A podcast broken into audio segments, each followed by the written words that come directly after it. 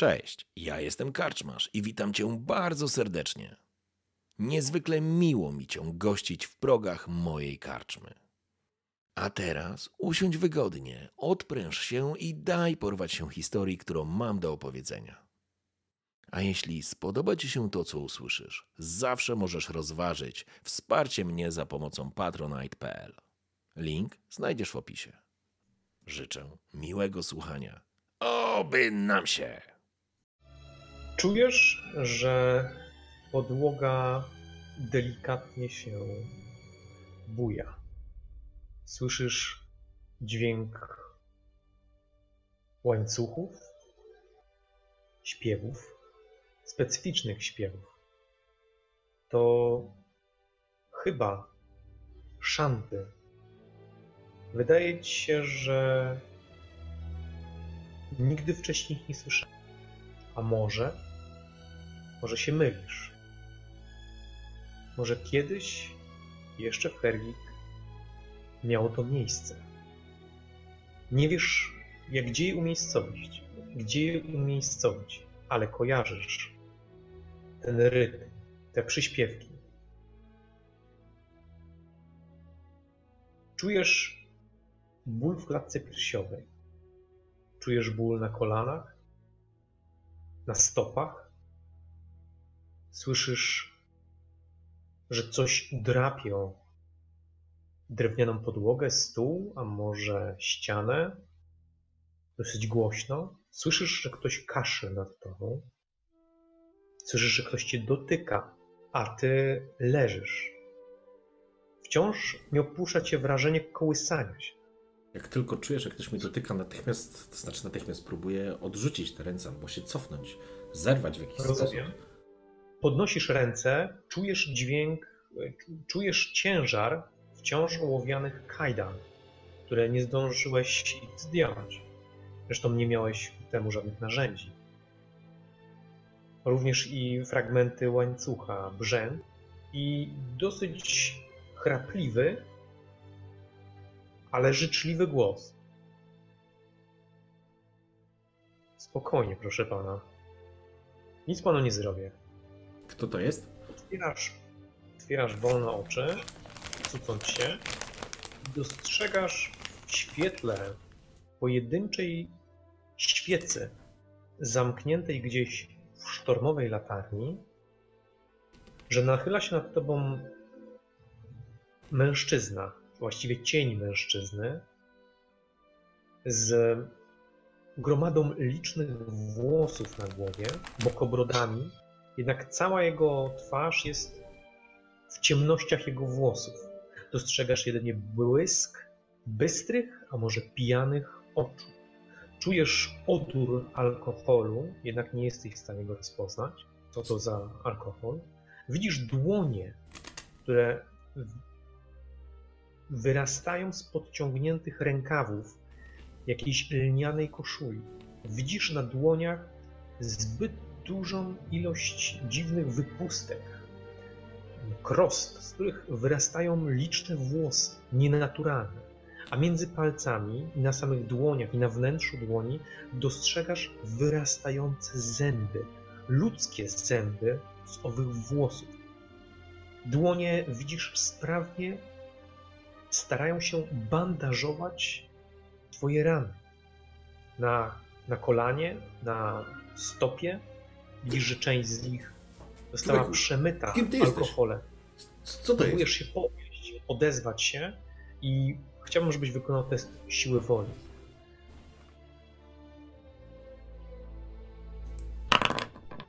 Kurde, No niestety, musimy zmienić to oprogramowanie. niestety jesteś zbyt słaby, ażeby spróbować podnieść się, próbować go odrzucić. Czujesz, że znowu tracisz przytomność. Czujesz, że słabniesz w jednej chwili i znów zapadasz w sen. Tym razem nie śni się tobie nic. Nawet nie słyszysz dźwięku dzwoneczku. A może coś się tobie śni, ale nie pamiętasz tego snu. Budzisz się. Właściwie twoja świadomość do ciebie dociera. Masz wciąż zamknięte oczy. Czujesz, że wolno napływasz do swojego ciała, jakbyś był gdzieś daleko, w innym świecie. Czujesz, że masz zdrętwiałe członki. Czujesz, że bolą cię żebra, wciąż bolą cię gnaty. Czujesz ból w skroni, który teraz silnie pulsuje, ale nie, nie tłumi myślenia. Nadal możesz trzeźwo myśleć. Obkurczone dłonie i stopy są świadectwem wychłodzenia. Jednakże w pomieszczeniu nie jest zimno, ale nie jest też ciepło. Leżysz przykryty pod jakimiś materiałami. W pomieszczeniu jest dosyć ciemno, a jedynym źródłem światła w tej chwili to sączące się wolno przez szklane okno, grube, brudne okno, promienie słońca, ale nie w nowi, nie w zenicie, lecz porannego albo wieczornego. Wokół dostrzegasz jakieś przedmioty, upchane ciasno pakunki, zwinięte liny, swoją torbę, przepraszam, worek, który jest gdzieś wciśnięty w bok. Leżysz pod jakimiś kocami. Jednym z tych koców, czy jednym z tych płócien jest płaszcz, który zabrałeś ze sobą. Płaszcz twojego wuja, Jorlanda Pekendisza. Czujesz, że coś ciepłego wciąż trzymasz w dłoni. Coś, co nie chciałeś puścić przez cały czas. Nie wiesz, czy mężczyzna z zębami był snem, czy jawem. Jeżeli dochodzę do siebie, próbuję. Po pierwsze, spoglądam, co ciepłego trzymam w rękach. Wyciągasz rękę, całą rękę spod kocy i otwierasz. Nie dostrzegasz na niej dokładnie zawartości, ale jesteś pewien, że jest to płaski, metalowy przedmiot. Jednak w tym oświetleniu niespecjalnie widzisz, co to dokładnie jest. Widzisz tylko jego kontury. Słyszysz również dobiegające jakąś melodię. Właściwie dwie melodie przenikające się przez siebie. Jedne z nich to z pewnością szanty. Podłoga wciąż delikatnie unosi się i opada, przynajmniej masz takie wrażenie. Nie stoisz przy oknie, jest to niewielkie okienko, okrągłe, gdzieś w kącie pomieszczenia. No jesteśmy Druga na jest... na pewno. Na pewno. Wszystko jest wykonane w drewnie. Drugą melodią jest kobieca melodia. Te pierwsze, te szanty są śpiewane przez mężczyzn. Ale kobieca melodia jest dużo bardziej cicha i wydaje się, że pochodzi, że wydostaje się gdzieś z niedaleka. Ale w tym pomieszczeniu, w którym się znajduje, czy po prostu dochodzi do mnie z zewnątrz? Z jakimś... wydaje, ci się, że, wydaje ci się, że by dochodziła z tego pomieszczenia, chociaż nie masz pewności. Wyobraź sobie dryfującą łajbę, masę pakunków różnego, różnej wielkości, różnej gramatury, beczki, skrzynki, worki, różnego rodzaju przedmioty. I takie, które wciąż przydają się na łajbie, jak to nazwałeś, a więc różnego rodzaju olinowania, metalowe trzpienie, wosk, wszystko to, co można składować, a to się nie psuje. W porządku. Mm, rozumiem, gdzie jestem, słyszę, co się dzieje. Jak się czuję? Czy jestem w stanie wstać? Czy próbuję określić, nie wiem, wiesz, próbuję określić, czy wiesz, mogę się ruszać, czy, czy, czy nie mogę Myślę, się że ruszać. musiałbyś to sprawdzić. Myślę, że musiałbyś to sprawdzić. No to próbuję z pewnością. Tak jak opisałem tobie, bolą cię, bolą cię gnaty, bolą cię żebra, boli cię głowa, ale jest to ból, nie jest to ból um, promieniujący, jest to tępy ból. Jest to... Zbity. Tak, zbity już. Taki, wiesz, jednodniowy powiedzmy. Rozumiem. E, próbuję powoli wstać, opierając się Rozumiem. o jakiś filar, czy o beczkę, czy o jakiś tam większy przedmiot. Mm, staram się nie nadwrężać części, że tak powiem, ciała, które są obolałe, czy nie wiem, jeżeli mam bok zbity, to próbuje się opierać o, po drugie, ciężar ciała przerzucić na drugą stronę i tak dalej, ale to muszę wstać. Rozumiem. Nad koją, nad pryczą właściwie znajduje się jakiś drewniany rumpel, przymocowany do jednej ze ścian. Wystarczająco solidny, żebyś mógł się na nim podnieść. W porządku.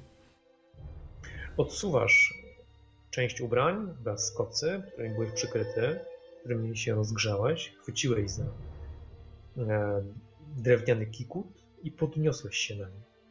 Poczułeś, że coś strzyknęło ci w kręgosłupie. A może w barku? Nie poczułeś bólu. Poczułeś również, że jesteś bardzo zmęczony. Albo twoje ciało jest zmęczone, bo umysł jest niezwykle ostry. Od, odmawiam krótką modlitwę do Wareny, dziękując jej za to, że udało mi się przeżyć kolejny dzień w dosyć nietypowych e, okolicznościach oraz um, odmawiam jedną z takich pokutnych modlitw, wiedząc o tym, że zaczynam robić rzeczy, które niespecjalnie moja bogini popiera. Mówisz to te modlitwy w myślach? Szeptem? Myślę, że szeptem to nie jest jakiś, wiesz, nie prowadzę, że tak powiem, jakiegoś obrzędu, ani rytuału, ani modlitwy z ludźmi. Raczej mówię to też sam do siebie. Szybko szepcą, szepcząc pod nosem. Rozumiem. Tak jak powiedziałem, z zewnątrz dochodzi, z zewnątrz do siebie Usłyszał cię melodia. Sorry. Z zewnątrz dochodzi do ciebie melodia szantu, która zmienia się rytmicznie oraz wciąż niesłabnąca melodia kobiecego głosu. Słyszysz dźwięk łańcuchów i jesteś gotów przysiąc, że łańcuchy te, które wydają ten dźwięk, nie należą do ciebie. Te twoje są po prostu za krótkie, żeby wydawać tak czysty dźwięk metaliczny. Dodatkowo na oknie, po drugiej stronie, widzisz, że coś przysiadło. Jakiś ptak. Ale z uwagi na fakt, że nie stoisz przy tym oknie, że okno jest brudne, ciężko ci stwierdzić, co to jest za dokładnie zwierzę. Rozumiem. Eee, w kącie pomieszczenia stoi twoja laska. Hmm. Znaczy twoja, nie jest twoja. Już jest, w rodzinie nic nie ginie. Wuj, myślę, że jest mi dłużny dużo więcej, aniżeli zwykłą lagę. Biorę, opieram się o tej lasce, na pewno będzie mi pomocna. Spoglądam, tylko podchodząc do swojego worka, odkrywam połę, rozwiązując, zaglądam do niego, czy znajdują się te, te rzeczy, które, które brałem. Czyli tam... Ciężko ci stwierdzić, dlatego że jest tutaj półmrok i to taki solidny półmrok. A, jest, jednym źródłem światła jest wciąż, nie zapaliłeś żadnej lampy, nie znalazłeś żadnej lampy, nie, nie widziałeś jej. Jedynym źródłem światła jest to okno, ale wewnątrz worka wydaje się, że są przedmioty, które zebrałeś, przynajmniej większość. W porządku. Dobrze, biorę tą lagę, narzucam na siebie ten płaszcz, który zabrałem z tej wieży i próbuję wyjść. Jak rozumiem, nie jestem przywiązany ani przykuty, tylko dyndają mi te po prostu resztki łańcucha, który został przecięty. Tak, mieczem. ten łańcuch został odcięty z tego, co tak, pamiętasz. Kłem. Dobrze pamiętam, nazwę miecza Kieł się nazywał, tak? Tak go nazwał Lord Patrick. Czy słyszałem o tym mieczu? Nie, słyszałem o nie, opowiadali mi, to jest jakiś legendarny miecz. Pamiętam, że rozmawialiśmy o tym. To jest jakiś kawał dobrego żelaza. Tak, tak. Możliwe. Faktycznie była taka wzmianka. E, istnieje duże prawdopodobieństwo, że jest to runiczny kieł, broń, która została wykuta tysiące lat temu przez krasnoludzkiego króla. Tak, i dana w, w podziękowaniu. E, tak, przypomniałem sobie. Wychodzę, próbuję opuścić e, ten, ten dolny pokład, czy ładownię, czy jakkolwiek to nazwiemy, i wyjść e, na zewnątrz. Mhm. Twoja koja znajdowała się tuż przy drzwiach. Właściwie dzieliły cię do tych drzwi tylko kilka schodów drewnianych, ale dźwięk dochodził jakby za ciebie, z wnętrza tej niewielkiej ładowni. A, ten śpiew. Raczej to nucenie. Nucenie. E... Ale gdy tylko zacząłeś szamotać się z workiem, z własną laską i kierować się na skrzypiące schody, dźwięk umilkł. Jest tu kto? Obracam się. Czy jest tu słyszałeś dźwięk łańcuchów, szafę, żadnej odpowiedzi.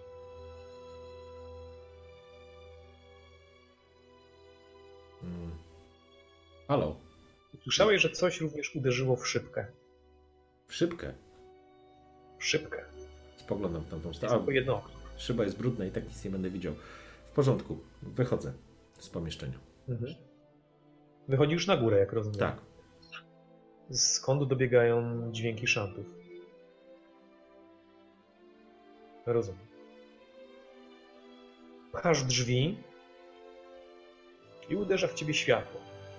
Światło naciągam kaptur i mocno popołudniowe. Chyli się powoli słońce za nieboskłon. Widzisz fragmenty jego niknące nad lasem, ośnieżonym lasem.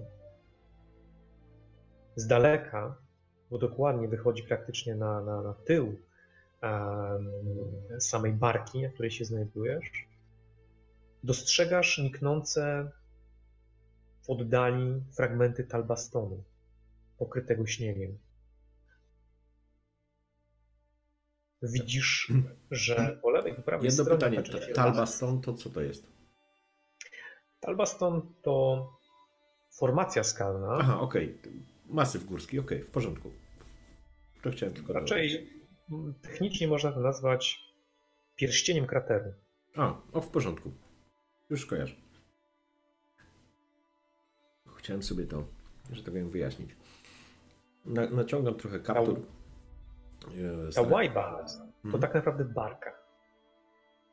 Żaglowa barka. Więc widzisz rozciągnięte maszty na różnych długościach.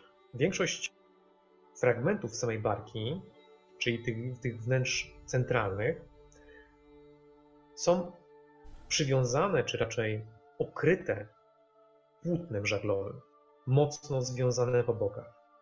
Można obchodzić je tylko tak naprawdę bokiem samej barki. Na przodzie i na tyle barki znajdują się niewielkie przyczółki. Ten z przodu widać, że płonie w nim światło. Świec albo lampy sztormowe. Z tyłu widać, że jest mostek kapitański, na którym dostrzegasz Oswalda w towarzystwie jakiegoś potężnego mężczyzny.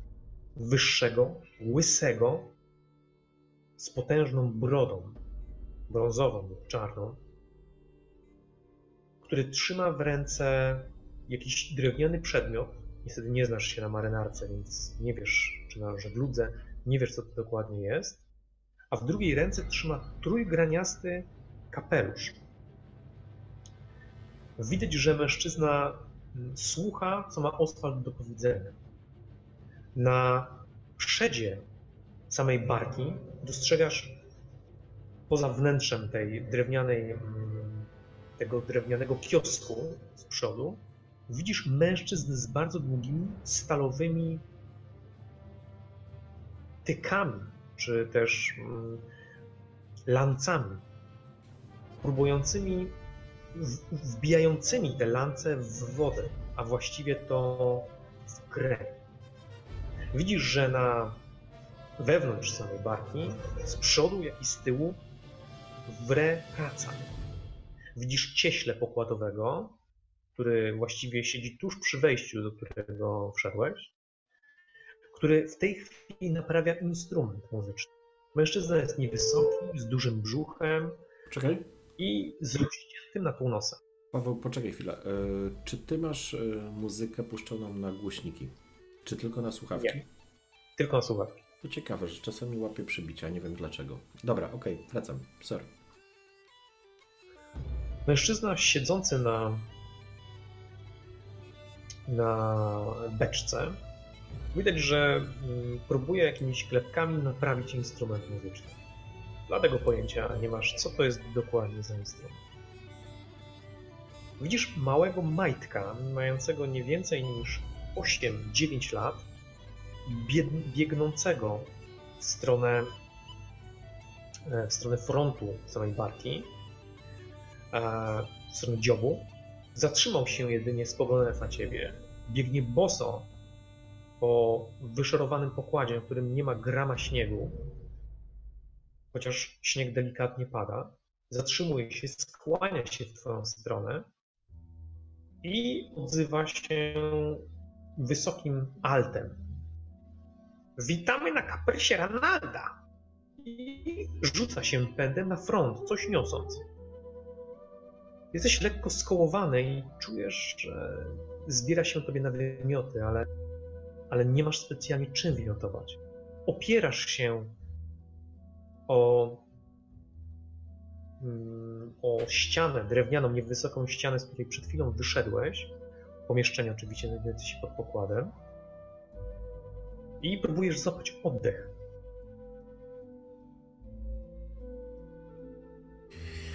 W porządku. Trzymając się burty czy tej, tej ściany, właśnie próbuję złapać parę razy oddech. Gdzieś tam spoglądam w dal, żeby utrzymać sobie linię horyzontu i staram się doprowadzić, e, opanować jakby to, co mi się w środku zaczyna dziać. E, kaprys Ranalda. Ranalda? Randala. Ranalda. A, no dobrze. E, rusza wzdłuż e, tej, tej. No po pokładzie, tak? Trzymając się. Trzymając się burty, Tak, kurczowo i przyglądam się. zaczynasz kierować się, ale w którą stronę? Do Oswalda. W kierunku Do Oswalda. Oswalda. No Rozumiem, czyli na rufę. Kierujesz się powoli na rufę. Zrobiłeś kilka kroków i nagle spod materiału, pod którym prawdopodobnie e, albo składowane są przedmioty przewożone przez barkę, albo znajdują się pomieszczenia, które również są zanurzone w pokładzie, wysuwa się mężczyzna, którego rozpoznajesz. To ten z dużą ilością włosów wkręconych, w które widzisz, że zostały wplecione jakieś fragmenty gałązek ususzonych, a może nawet i liści. Mężczyzna jest ubrany w tej chwili w dosyć naganny dublet, spięty z przodu. e, Na to ma nałożony płaszcz i dostrzegasz jakiś znak uniwersytecki, który spina sam płaszcz. Nie wiesz, co to dokładnie za znak, ale no, sowa, która trzyma e, w swoich szponach jakiś zwój, to z pewnością znak uniwersytecki, wybijany często również na książkę. Mężczyzna spojrzał na ciebie i rzucił się w twoją stronę, przytrzymując cię przed ewentualnym upadkiem, na który się nie zanosiło. Wszystko w porządku? Dostrzegasz, że ręce mężczyzny, które cię przytrzymują, nie zgłupłeś do reszty. To nie był sen, to, to nie był koszmar. Z dłoni mężczyzny wyrastają zęby. Oczywiście nie połączone ze sobą, tylko pojedyncze mm, zęby, tak? Różne, różne to są zęby, tak? Dwójki, ósemki, szóstki, Próbuję, różnych od, miejscach. próbuję go odtrącić, e, tą rękę. Na werenę! Co to jest? A, przepraszam bardzo. Widzisz, że mężczyzna schował mm, swoje dłonie w połach płaszcza, zakrywając się szczelnie. Proszę mi wybaczyć. To skutek pewnego płynu, właściwie to eliksiru nazywanego likworem nazębnym. Niestety nie działał on w taki sposób, jakbym sobie tego życzył. A takowe są efekty. Może się za bardzo. Proszę się nie bać. Nie zarazi. Może się za bardzo pospieszyłem. Winien jestem panu podziękowania. Jak dobrze rozumiem, to, to pan się mną zajął i doprowadził do porządku, nazwijmy to w ten sposób. Na prośbę kapitana Hakona. Ja nazywam się Kondra, Konrad Zmalis. Wyciągnął w twoją stronę rękę, ale zdając sobie sprawę, że wcześniej no, obrzydzał cię ten widok i czułeś e, wstręt i strach, mężczyzna cofnął nagle, spoglądając na nią, cofnął ją pod płaszcz. Przepraszam. Czy wszystko w porządku? Tak, w porządku. Trochę nudności, ale to z pewnością nie jest efekt ostatnich wydarzeń. To raczej brak przyzwyczajenia do podróży barką. To bardzo ciekawe i bardzo niebezpieczne. Konradzie, wybacz, że przechodzę na ty. Oczywiście, ja widać, że jesteś magistrem. Jesteś gdzieś sługą uniwersyteckim, naukowcem, badaczem. My, kapłani czy akolici Wereny, mamy bardzo duży. Mm, bardzo dużą rezerwę do tego, co się dzieje na świecie i bardzo duży margines na różnego rodzaju nietypowe wydarzenia, więc wybacz moje zachowanie. Opuścił głowę, uśmiechnął się pod nosem i zasłonił usta, jakby coś skrywając. Po czym roześmiane oczy lub pijane spojrzały ponownie na ciebie. Obawiam się, że nie mogę powiedzieć o sobie, że jestem magistrem. Absolutnie nie należę do grupy czarodziejów, za którą mnie posądzasz. Jestem botanikiem, uczonym, a tutaj, na tej krypie, zwącej się Caprys Ranalda, jestem lekarzem, cyrulikiem, medykiem i felczerem. Wybacz, wybacz, jestem jeszcze otumaniony. Pomieszałem oczywiście, nie chodziło mi o magistra magii, chodziło mi właśnie o naukowca, o człowieka nauki. Widać sowę, widać papirus, to jest takie oczywiste. Chyba jeszcze do siebie Stare dzieje. Stare dzieje wyjaśnił szybko, jakby pozbywając się dalszych twoich wątpliwości. Niemniej jednak musisz być naprawdę fantastyczny w swoim fachu. Znam historię, gdzie ludzie na stosie płonęli za dużo mniejsze różnice pomiędzy tym, co uważane jest za standard, a tym, co uważane jest za coś, co od tego standardu odbiega. Ale wybacz, wybacz, jestem jeszcze otumaniony. Jeszcze raz skłaniam się. Fantastyczna robota. Lepiej bym nie mógł sobie tego wyobrazić. Dokąd płyniemy? Z, w górę rzeki. Jesteśmy na Talabeku. Nie wiem, jak długo pan był nieprzytomny, gdy pana tutaj przyniesiono. Już pan był w takim okropnym stanie. Jakby przeżył pan tortury. Tak. W jego oczach znajduje się delikatne pytanie, ale nie drąż. Tak, to był trudny czas. A jak długo jesteśmy już na wodzie? My dosyć długo, a pan niespełna jeden dzień. I to niepełny. Jeden dzień, jeden dzień. Poruszamy się w górę rzeki, spoglądam tak. Poczułeś nagle pracę żołądka, tak nieprzyjemną pracę. Mm, próbuję to zdusić jednak w sobie. Rozumiem? Kolejny raz już.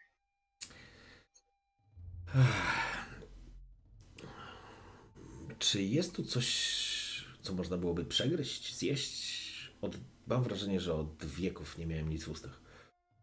Oczywiście, mm, pana godność. Od Niestety nie wyjawiono nam. Ach, a więc Ottonie. Widzisz, że odwrócił się, zagwizdał. W międzyczasie umilkły szanty, przestały się słyszeć. I dostrzegłeś, że szybko y, na schodach na górny fragment pokładu, czyli w stronę dziobu, pojawił się chłopiec. Ube! krzyknął w stronę chłopca Konrad. Machnął ręką, żeby podbiegł. Cieśla zainteresował się i zatrzymał chłopca. Dostrzegłeś również, że teraz ten cieśla nie ma nogi, dlatego nie wstaje z tego drewnianego, e, z, z tej drewnianej beczki. Chwycił go za ubranie, podciągnął do siebie i podobieństwo kolorów, które ubrany jest UB oraz cieśla, oraz również płaszcz znajdujący się na ramionach Konrada, świadczy oczy o tym, że albo są to jacyś żołnierze, a właściwie to dezerterzy, albo kapitan Hakon wprowadził na swojej krypie, nazywanej um, kaprysem Ranalda, jednolite umundurowania, przynajmniej podobne. No, w porządku. Staram się zaobserwować, mniej więcej ściągnąć też wzrokiem od Tona, ale jakby na razie próbuję zebrać informacje i oczywiście zaspokoić pierwszy głód, który dosyć mocno mi doskwiera. Jeszcze raz Konrad krzyknął w stronę UB i ten wyrwał się z, z ręki cieśli i podbiegł w waszą stronę. Panie Konradzie? Skłonił się w jego stronę. Przerognął na dół i przygotuj coś temu, oto spojrzał na ciebie. Oficerowi Talabeklandu do jedzenia. I nomigiem, i ciepłe. Tak jest. Zastrzygł stopami bosymi i ruszył pod pokład pędem, ślizgając się na świeżo co wyszorowanym pokładzie, na którym pojawia się już pierwszy szron. No tak, o czym to myśmy spojrzał się na ciebie. Jednak zdałeś sobie sprawę, że przygląda się bardziej twojej cerze, włosom, szyi, aniżeli twoim oczom. Czy coś nie tak, Konradzie? Zauważyłeś jeszcze jakiś Proszę objawy? mi wybaczyć, panie Ottonie. To zboczenie zawodowe. Każdy jest niewolnikiem pewnych, nazwijmy to, zboczeń. Co jest powodem tego przyglądania się? Jest pan niezwykle blady. Wydaje mi się, że jest pan odwodniony. To prawda, dawno nic nie jadłem i chyba jeszcze dawniej nic nie piłem. Szczerze mówiąc, nie wiem, jak się trzymam jeszcze na nogach. Ale myślę, że zaraz uzupełnię te braki. Może pomogę. Proszę się wesprzeć na mnie ramieniu. Opieram się. Mhm. A drugą, Opierasz się dosyć a drugą ręką mokry na płaszcz Konrada i wybierasz kierunek tak w stronę Oswalda, Tak, tak, tak. którego dostrzegasz tam w towarzystwie kapitana. Mhm. Rozumiem. Kiedy idziesz wzdłuż pokładu, dostrzegasz dosyć ciężką pracę marynarzy. Część z nich jest uzbrojona, tak jak powiedziałem, część z nich posiada, mm, nazwijmy to umundurowanie, chociaż umundurowaniem tego nie nazwał, raczej kolorami, w których są wpasowani. Jest to ciemna zieleń i szary kolor. Każdy z nich posiada jakiś emblemat, który świadczy o przynależności do łodzi. Kiedy ktoś próbuje zaczynać śpiewać szanty, jakiś młody, bezzębny mężczyzna, kapitan Hakon krzyczy, żeby zamknęli ryj. W tym samym momencie dostrzegasz schodzącego po mm, drewnianych schodach Oswalda, który cię dostrzegł i właśnie zaczął zakładać rękawice. Sam jest ubrany w swój płaszcz, nie ma fragmentów zbroi, które wcześniej zdjął, chcąc no, uniknąć tak naprawdę spotkania w najwyższej wieży i jak najszybciej ześlizgnąć się jakimś bezpiecznym, bezpieczną drogą. E, widzisz, że kieruje się w twoją stronę. To bardzo dobrze. Mhm. Jak rozumiem, również się w jego stronę Tak. kierujesz i próbujesz zniknąć pomiędzy jakimiś Mm. e, fragmentami. Nie zamieniam się w obłok. Nie, nie. Przystajesz przy jednym z żagli. Towarzyszący tobie Konrad wysuwa się z e, twojego uchwytu. Po czym spojrzeniem dziękujesz mu, on zaczyna powoli e, odchodzić. Gdyby pan czegoś potrzebował, panie Stonie, i nie dokończył, bo w tym samym momencie zasłonił go łysy osób. Witam, panie Oswaldzie.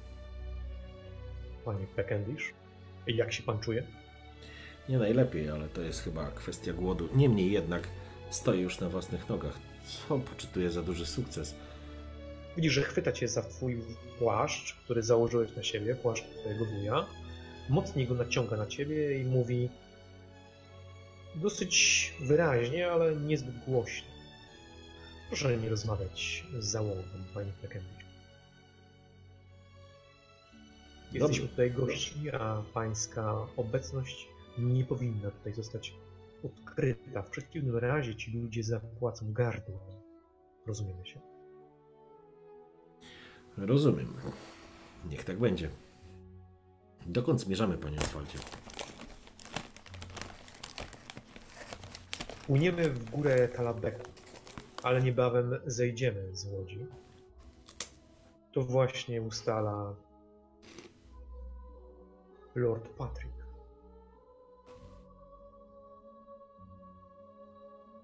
Hmm. Lord Patrick również życzył sobie, żeby pan udał się do niego, żebym zaprowadził pana do niego, gdy tylko pan odzyska świadomość. Jak rozumiem, musimy ruszać teraz, więc niech tak będzie. Ruszajmy. Widzisz, że nie podszedł od razu, zatrzymał się, spojrzał na ciebie, jakby chciał się upewnić, ale nie wiesz czego.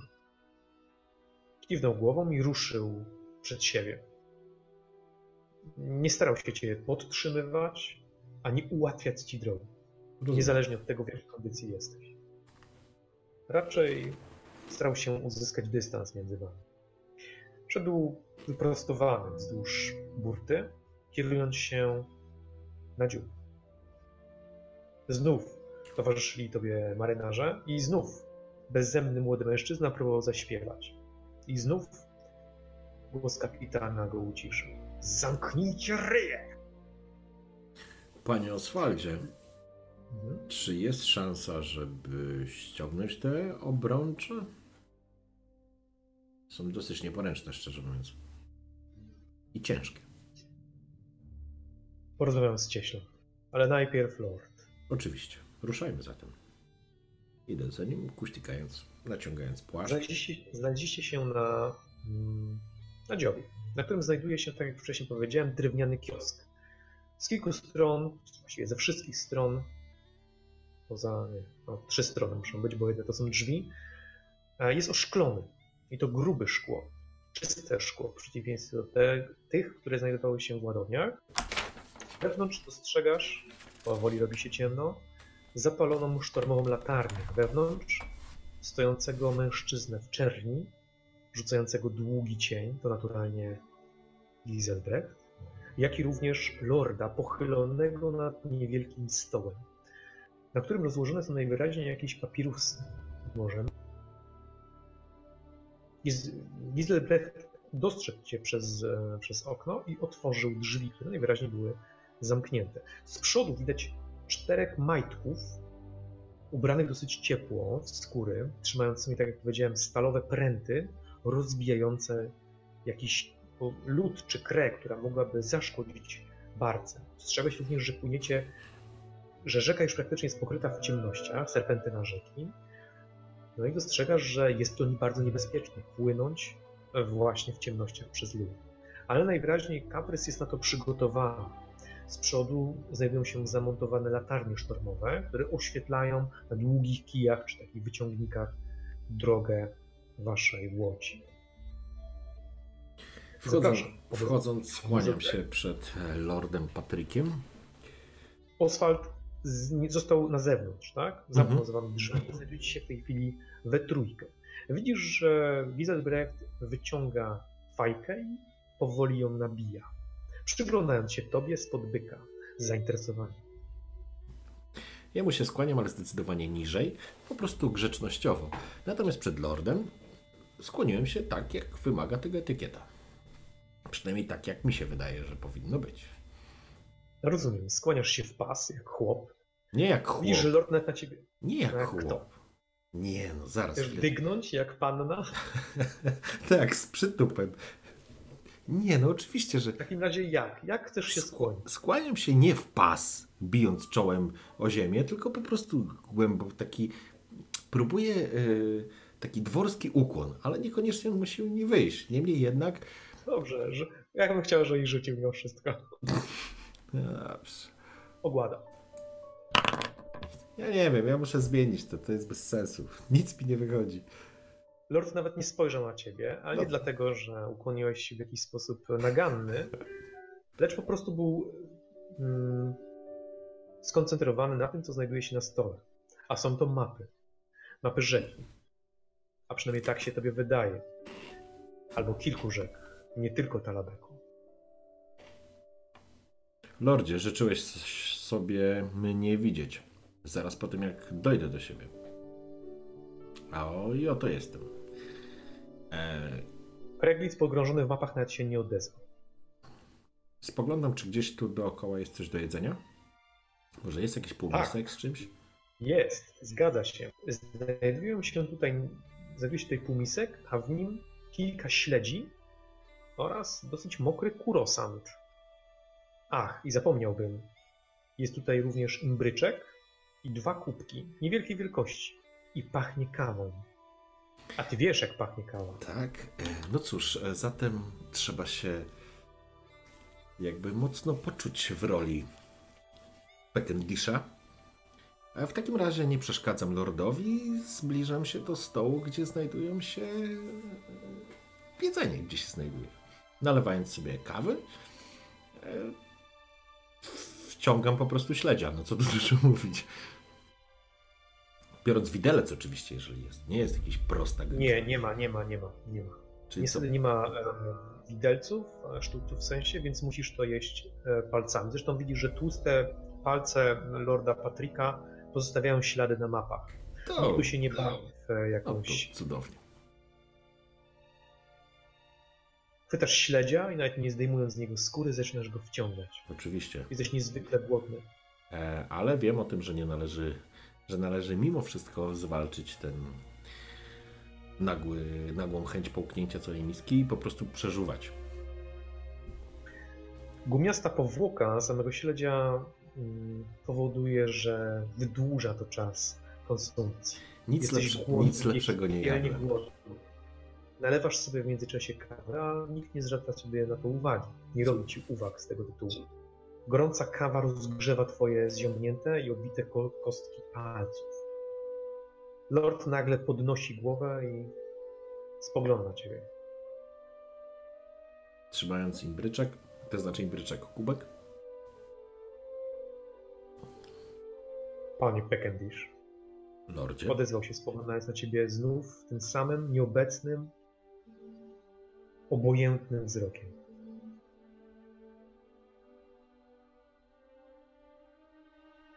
Powiedział pan, że potrafi pan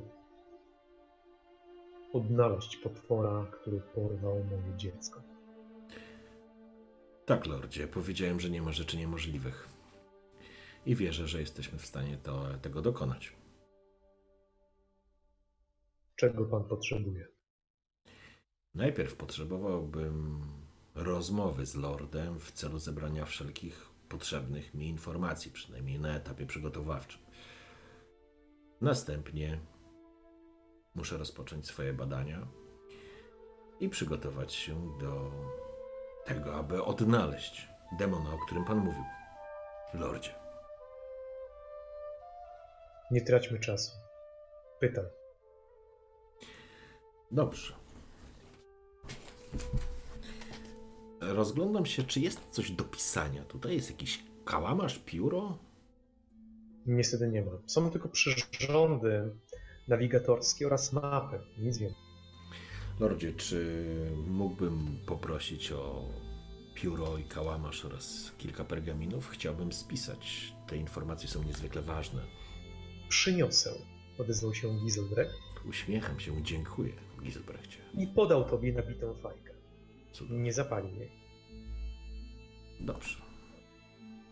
Przyjmuję. Po czym otworzył drzwiczki, schylił się, bo jest wysoki i wyszedł. Na zewnątrz widzisz, że Oswald rozmawiał jeden z majtków. Prawdopodobnie obserwując e, nabrzeże albo obse- obserwując rzekę i krew. Ta, usłyszałeś przez otwarte drzwi końcówkę jakiegoś zdania, że lubi zamarzać w nocy. Izabel zamknął drzwi i zostaliście z lordem sami w dosyć już zadymionym pomieszczeniu. E, Czy jest jakiś kaganek czy łuczywo, od którego mógłbym odpalić fajkę?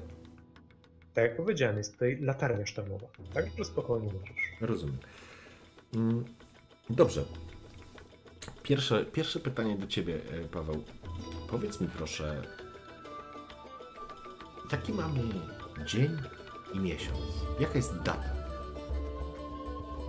Według moich obliczeń to jest 10 Ulrichside. Tak jak masz Ulryka, przez Zeit, nie? Jest. E, jeśli chodzi o dzień tygodnia, z tym możesz mieć problem, ale gdybyś musiał obstawić, to obstawiłbyś, że jest to Abentag, Ale czyli nasz wtorek. Nasz wtorek. w porządku. A powiedz mi jeszcze e, rok. No, rok jest Ci znany oczywiście, jest to 2523. W porządku. E, I to jest e, Ulrich Zeit. Kalendarz Imperium. Ulrich Zeit to, to jest 10 miesiąc. czyli pod koniec, e, tam są dwa miesiące do tego Hexen coś tam. Heksen, tak, tak. Tak, tak, ja, ja. Dobrze, To, fantastycznie. to już jest zima, nie? U Lixai to jest jak najbardziej zima, to już jest taka zima w pełni, można powiedzieć. Dobrze. Odpalam tą fajkę, jeszcze zjadam w międzyczasie jednego śledzia. Mimo wszystko próbuję coś po prostu przeżuwać. E, Lordzie, Mówisz pełnymi ustami. nie, no przełykam. Oczywiście do niego nie gadam z, z pełną gębą, bez przesady. Może jestem wieśniakiem, ale jednak wykształconym. Ale wciąż wieśniakiem. nie, nie, dobra, dobra. Teraz wiesz, jestem czarnoksiężnikiem chaosu, przecież muszę jakiego zgrywać. Mogę być chaosytą, ale nie muszę być burakiem. E, dobrze zatem, jak przełknę? Lordzie, proszę powiedzieć mi dokładną datę i dzień i porę dnia, kiedy miało miejsce to wydarzenie, w którym się ta cała sytuacja z pańską byłą małżonką odbyła. I w której, jak dobrze pamiętam, to wówczas ona po prostu zamordowała tego jego syna, prawda? Chyba Tak. tak. Tak było. Tak tak. wynikało z tego, co powiedział. Jasne. I, I bo to już trochę czasu temu było i faktycznie muszę sobie tylko poustawiać. Według tej opowieści ona zamordowała tego syna i wtedy się pojawił ten demon, który porwał to dziecko, tak? Tak to było? Nic nie przekręca? Chyba nie. Dobra, w porządku. Załóżmy, że Ale co do pewności, no nie możesz mieć, bo jego opowieść była niezwykle krótka. On raczej nie, nie przebierał w słowach. E, Lordzie, ja zdaję sobie sprawę, że to może być trudne, ale każdy szczegół jest dla mnie niezwykle istotny. Dlatego proszę, żebyś e, jeszcze raz streścił tą historię, ale bardzo dokładnie opisał moment spotkania z e, byłą małżonką. Oraz wskazał dokładnie dzień, miesiąc oraz porę dnia, kiedy miało to miejsce.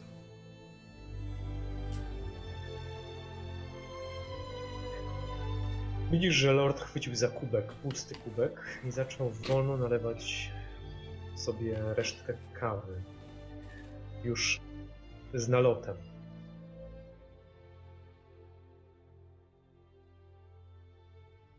Po czym wyjrzał przez okno, spoglądając w ciemność. Było ciepło.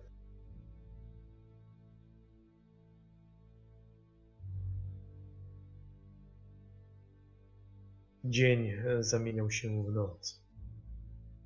Choć nie było widać słońca. Wokół unosił się bitewny kurz i dym z płonących drzew. Choć w okolicy nie było ich zbyt wiele,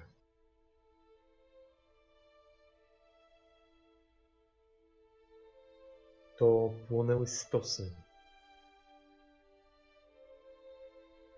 przygotowane, żeby zmylić formację lub zawezwać tą piekielną istotę.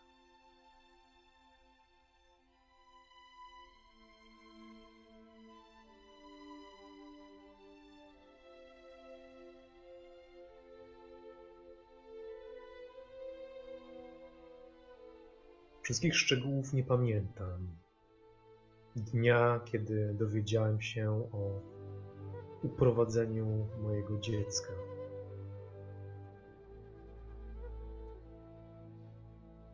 Było to zaledwie kilka miesięcy po tym, jak wróciłem z frontu.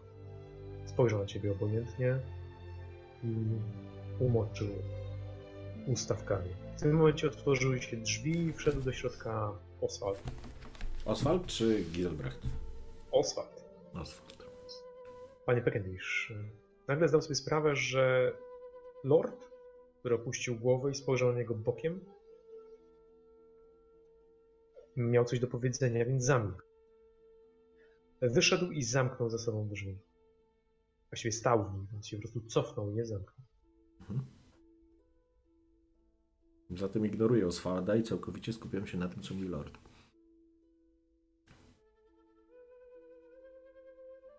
Gdy dowiedziałem się, że moja żona uprowadziła dziecko, począłem jej szukać, nie sam. Przetrząsać jej rzeczy. Wówczas dowiedziałem się o tym, kim była naprawdę, o tym, kim stała się pod moją nieobecność. Wybacz, lordzie, że będę wchodził ci w zdanie. Nie potraktuj tego jako niegrzeczność, to raczej chęć zgłębienia eh, tej całej historii, żeby poznać ją jak najlepiej. W jaki sposób się dowiedziałeś, że twoja małżonka, no cóż, nazywajmy rzeczy po imieniu, stała się chaosytą? Z ludzkich języków, z przedmiotów, które gromadziła, z ludzi, którymi się otaczała. Na początku zaczęło się niepozornie. Informację, którą otrzymałem, uznałem za niewiarygodną. Jeden z łowców należących do czarnych płaszczy poinformował mnie o takowym zagrożeniu. Najwyraźniej moja żona musiała się o tym dowiedzieć. I uszła wraz z Tomasem. Potem, gdy zdałem sobie sprawę, że może być to prawda, zacząłem wypytywać żelazem i ogniem. A ludzkie języki łatwo rozwiązać. Panie Pekendish. Tak, to prawda. Chociaż mam w przypadku tortur zupełnie zgoła odmienne zdanie. Ale nie to nie jest istotne. Istotne jest raczej to, ile czasu minęło od chwili, kiedy pańska małżonka zbiegła wraz z synem. Ile czasu minęło do momentu, w którym spotkaliście się ponownie?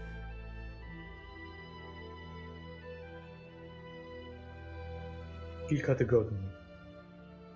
Może nieco krócej.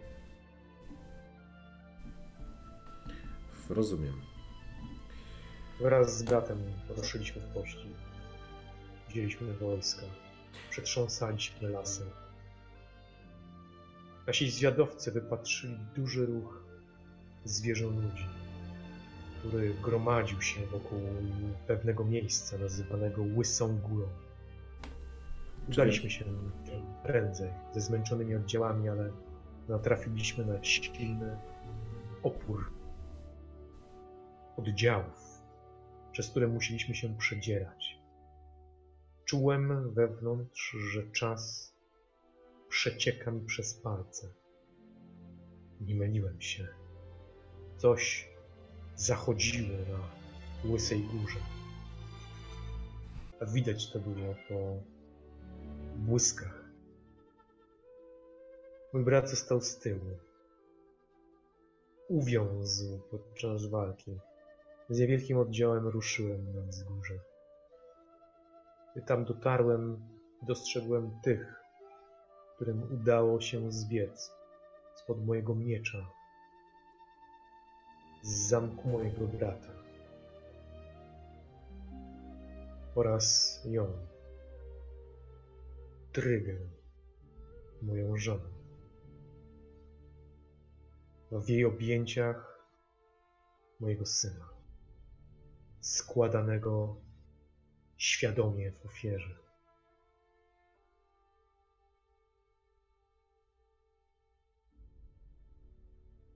Gdy dokonała mordu, padłem w szał. I wówczas coś wytrysnęło z pomiędzy dymu. To coś nie miało kształtu. Moi żołnierze zlękli się, ale mnie zaślepił gniew. Gniew, który dodał mi odwagi. Kiedy zerżnąłem swoją żonę, Próbowałem powstrzymać to coś, ale nie miałem wystarczająco siły.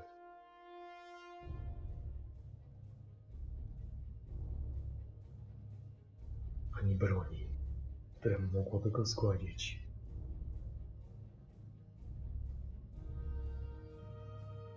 Teraz pan, panie Pekendish, przyzwie to coś, a ja zadbam o to, żeby zostało zgładzone. Tak, lordzie. Tak się stanie. Jednak zanim do tego dojdzie, musimy być przygotowani. Mam jeszcze kilka pytań. To ważne.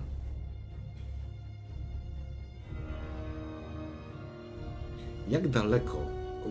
Pytanie do ciebie w ogóle. Czy wiem, gdzie jest miejsce zwane Łysą Górą? Łysych gór pewnie jest od groma. Rozumiem, ale nie ma znanej Łysej Góry, gdzie się tańcują chaosyci. Rozumiem. Nie, nie ma. Okej. Jakaś lokalna po prostu. Miejsce lokalne. Jak daleko znajdowała się ta Łysa Góra od zamku? Od siedliszcza rodowego? Konno czy pieszo? Przez śnieg? Za dnia? Czy w lato? Jak rozumiem, wtedy było dosyć ciepło. Mm, Te wydarzenia w jakim miesiącu było? Ja rozumiem, że może nie jest dokładna data znana, ale chociaż miesiąc jest mi potrzebny. Musimy to określić. Musimy wiedzieć. Tak, Każ- poczekaj sekundę, muszę to Mhm. znaleźć.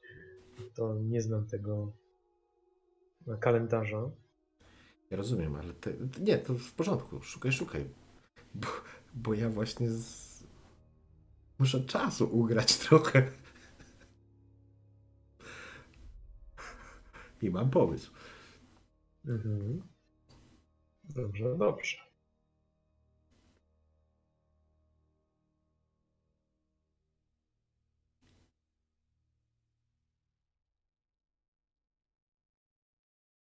Jest taka mała tabelka. Wiesz co, skorzystam z e, innego. Tutaj jest zdecydowanie to lepiej rozpisane.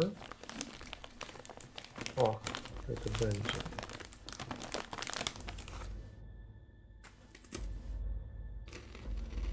Albo i nie będzie.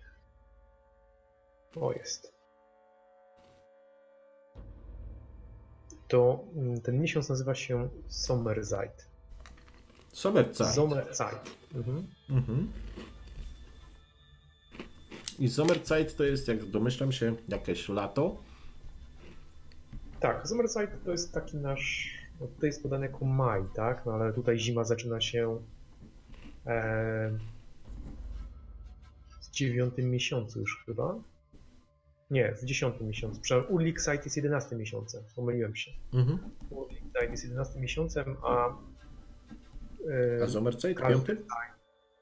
Kaltzeit jest 10, a Sommerzeit 5, tak. Czyli tutaj zima zaczyna się już tak naprawdę w 10 miesiącu, czyli teoretycznie w naszym październiku. To jest absolutnie nieistotne. Istotne jest, że to jest piąty miesiąc, a jesteśmy w jedenastym miesiącu. E, dobrze, rozumiem. Czyli Sommerzeit.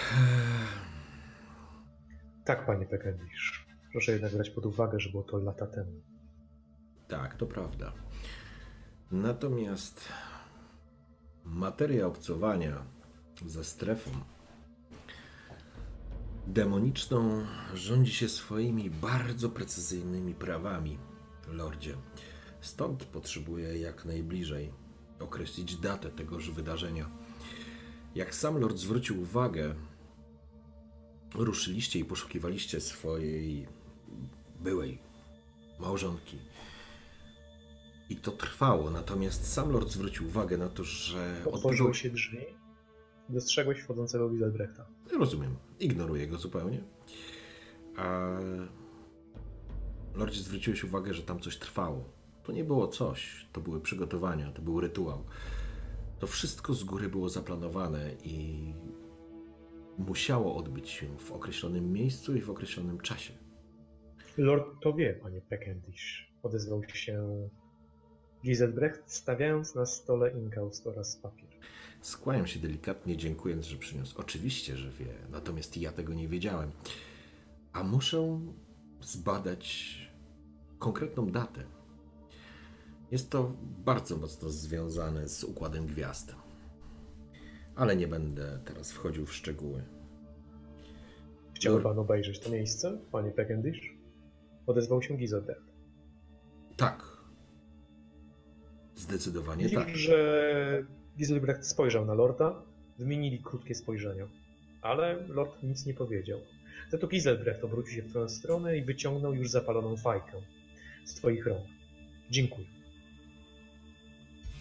Sądziliśmy, że może rzeczy należące do Trygi, spojrzał na Lorda, żoną Lorda Patryka, mogłyby rzucić jakieś światło Rzeczy te zostały zabezpieczone w zamku Schloss, do którego się właśnie udajemy. To bardzo dobra Jednak informacja. jeśli, jeśli jednak uważa pan, panie Peckendish, że powinniśmy zrobić coś innego, chętnie tego wysłuchamy. To bardzo dobra informacja, panie Giselbrechcie. Każda, każda rzecz, każdy przedmiot może mieć znaczenie i może w pewien sposób nakierować mnie na istotę czy byt, który został wówczas przyzwany. To nie takie proste. To tak jakby w górskim potoku złapać bardzo konkretnego pstrąga, panie Giselbrecht. A wyobraź, wyobrazić sobie trzeba, że tych pstrągów jest tysiące czy miliony. Ale to nieistotne. Zrobimy wszystko, żeby wyłowić tego odpowiedniego. Jeszcze jedno mam pytanie. Ile lat miał pański syn w momencie, kiedy został zamordowany przez Trygę? Nie więcej jak pan. Teraz. 18, może 17 lat.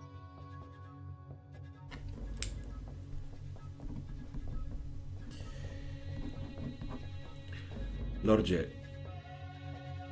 potrzebowałbym jeszcze daty urodzenia pańskiego syna.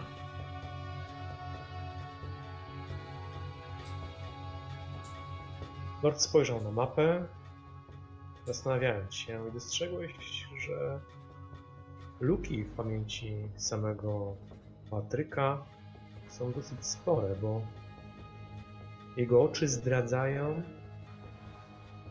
styl. Pewnością w dokumentacji znajdującej się w zamku Schloss powinna być taka informacja. Skłaniam się, nie staram się go, wiesz, nie ustawiam, że tak powiem, go pod ścianą, nie powoduję wyczekująco, wiesz, nie spoglądam na niego, żeby nie pogłębiać jednak, e, no co tu dużo mówić, dosyć trudnej sytuacji dla niego. W porządku. E, rozumiem.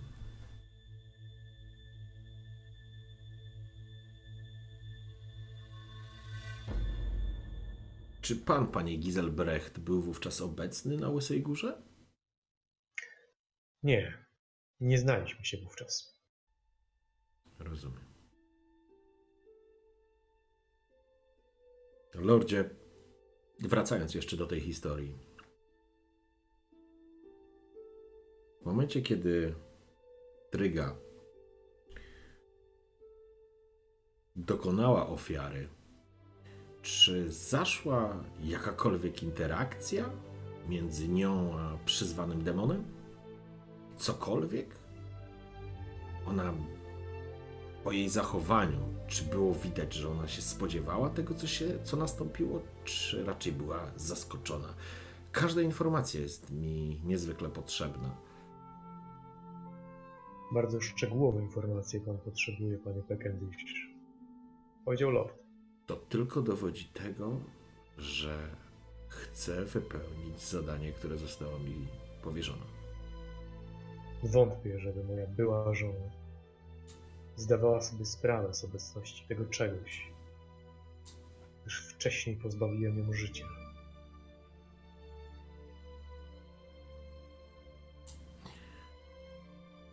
Czyli demon pojawił się po tym, jak Tryga została zabita. Po tym go zauważyłem.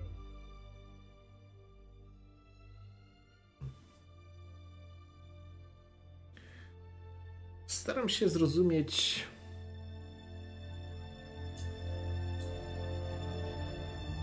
Czego Tryga chciała dokonać?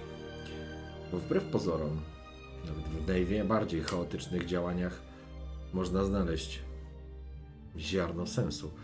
Natomiast tutaj brzmi to i wygląda bardzo dziwnie. Lord z pewnością wspominał, odezwał się Giselbrecht, że po śmierci Tryg i całych tych wydarzeniach sprawą zajął się święty zakon rycerzy Sigmara w towarzystwie poszukiwacza, którzy starali się odkryć przyczynę oraz celowość działania organizacji, do której należała Tryga. Niestety spojrzał na Lorda, potem znów na ciebie, starając się łagodzić swoje własne słowa. Lordowi Patrykowi oraz członkom tego zacnego grona nie było po drodze. To też ich śledztwo było śledztwem państwowym, a nie prywatnym.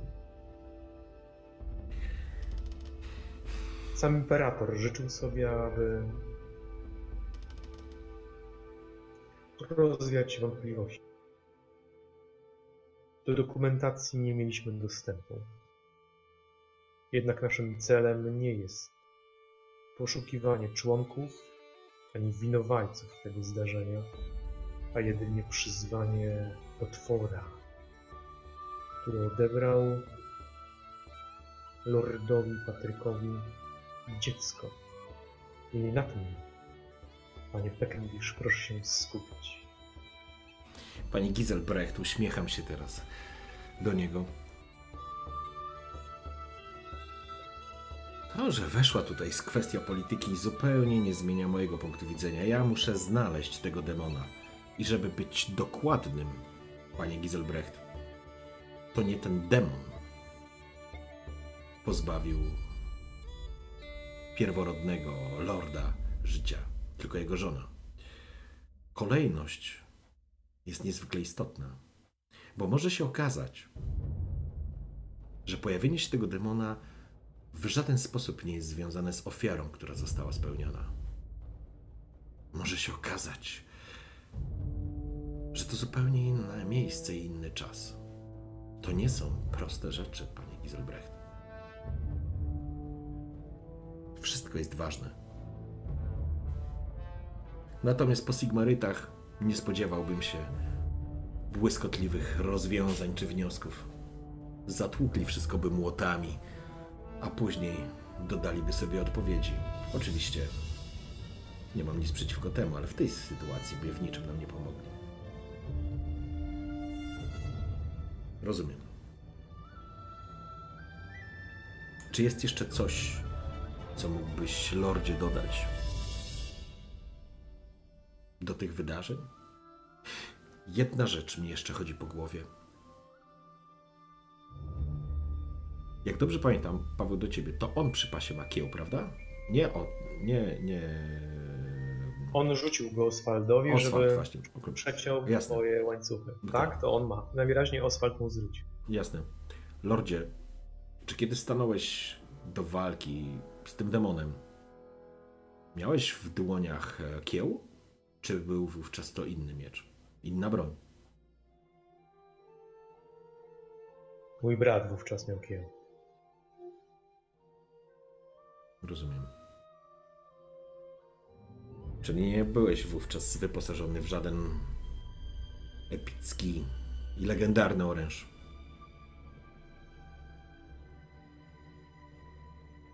Nie. Rozumiem. To mi wystarczy.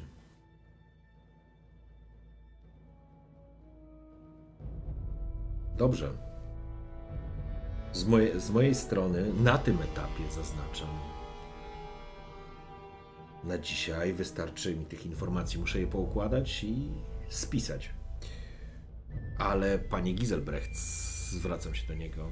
Jestem jak najbardziej zainteresowany zobaczeniem tamtego miejsca. Po czym chwytam papirusy i inkausty i pióra. Gotowy do tego, żeby sporządzić notatki. Rozumiem, czyli wpatrujesz się w niego, trzymając pióro. Nie, nie, tak. Moczysz w kąście. Próbuję, próbuję y, w elegancki sposób dać do zrozumienia, że z, mojego, z mojej strony to wszystko na dzisiaj. Giselbrecht chyba najwyraźniej zrozumiał, przesuwa się tak, żeby odbezpieczyć tobie wyjście. Lord opuszcza się, spoglądając na mapę i przypatruje się Talabekowi na niej, próbując określić kierunek waszej drogi. W porządku. To dla mnie jednoznaczny sygnał, że mogę opuścić. Skłaniam się w kierunku Lorda. Tak, dygam. Lord nawet nie patrzy. Ja tak wiem. Ale on doskonale wie, że to się dzieje. Natomiast wobec Giselbrechta skinam po prostu głową. Mogę panu towarzyszyć? Oczywiście. Beckendish? Oczywiście. Nie mam nic do ukrycia, zapraszam. Ruszam. Otwierasz drzwi, on staje za tobą i wychodzicie obaj. Na wolnej, na, to znaczy na tej krypie nie można iść obok siebie, trzeba niestety iść gęsiego. To też Giselbrecht puszcza cię przodem, ale idzie z tą krok w krok. Czuję się trochę lepiej? E, Po zjedzeniu myślę, że nabrałeś trochę sił. Chociaż tam było dużo cieplej. Tutaj wieje wiatr, a ty nadal potrzebujesz odpoczynku i to sporo odpoczynku. Rozumiem. Ale Ale nie z Ten- Giselbrechtem na plecach. Konrad, ten Konrad naprawdę zrobił swoją robotę. Przywrócił cię do żywych. Choć jesteś przekonany, że, że spadłeś z tej wieży, że umarłeś. Jedna rzecz mi nie daje. Mówię tak, żeby. Obracam się lekko. Mhm. Już jest cisza, widzisz, że noc, nocna warta jest tylko na, na kaprysie Ranalda, a pozostali załoganci gdzieś się pochowali.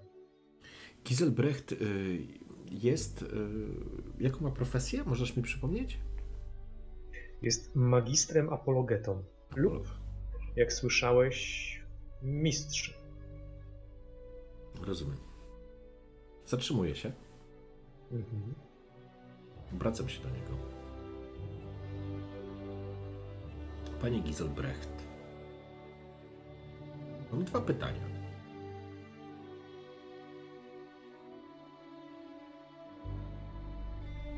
Spojrzał na ciebie, opierając się o burtę. Jego wąskie, długie palce zaczęły wydrapywać paznokciami szrączy lód gromadzący się na, na drewnianym wierzchu, nielakierowany. Jakim cudem przeżyłem? Byłem przekonany, że spadam w dół. O, spadał pan. Odzywa się nie patrząc na ciebie, tylko na w tej chwili na, na fragment tej balustrady drewnianej. Próbowaliśmy pana złapać, ale mnie się nie udało.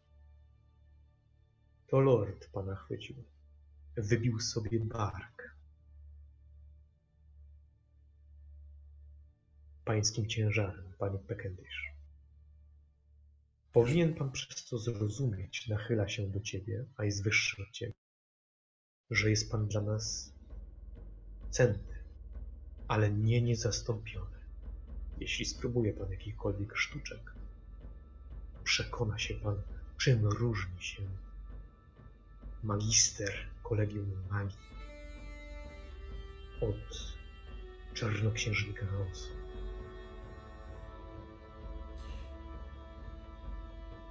To już drugi raz uratował mi lord życie. Nawet czarnoksiężnicy chaosu wiedzą, co to wdzięczność. Panie Giselbrecht, uśmiecham się.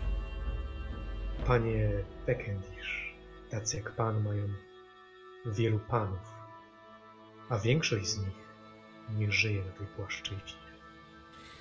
Panie Giselbrecht, nie zarzucajmy sobie małostkowych i gminnych zarzutów, bo wśród prostego ludu jest równie dużo zarzutów wobec magów, ale nie będziemy się teraz sprzeczać. Jest pan blisko lorda. Odnoszę wrażenie, że Mruży oczy. zależy panu na szeroko pojętemu dobru lorda Patryka. To, w co. Hmm, jak to nazwać? Nie, to nie jest zabawa. To jest bardzo daleko od zabawy. Ale całe to przedsięwzięcie może się bardzo źle skończyć, panie Giselbrecht. Ma pan tego świadomość? Nie, proszę wybaczyć, to nie pytanie. Pan ma na pewno tego świadomość.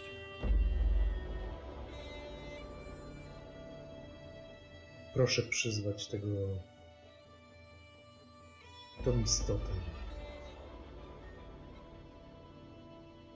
Rozumiem. Rozumiem. Obracam się, tak wiesz, znowu się obracam i tak się zatrzymuję. Jeszcze raz się wracam. Panie Giselbrecht. Wciąż stoi nieporuszony. Tak, wiem, nie zdążył się ruszyć. Nieco teatralnie to zrobiłem, ale. Panie Giselbrecht, to co gubi wielu czarnoksiężników chaosu, ale nie tylko. To zbyt duża pewność siebie. Albo niedocenienie i pycha. Nie twierdzę, że to jest związane z panem albo z lordem. Ale nawet ja potrafię docenić kogoś, kto dwukrotnie w ciągu jednej doby uratował mi życie. Zrobię wszystko, żeby lord mógł się zemścić. Ale nie będzie to łatwe. Nawet Panie ze mną.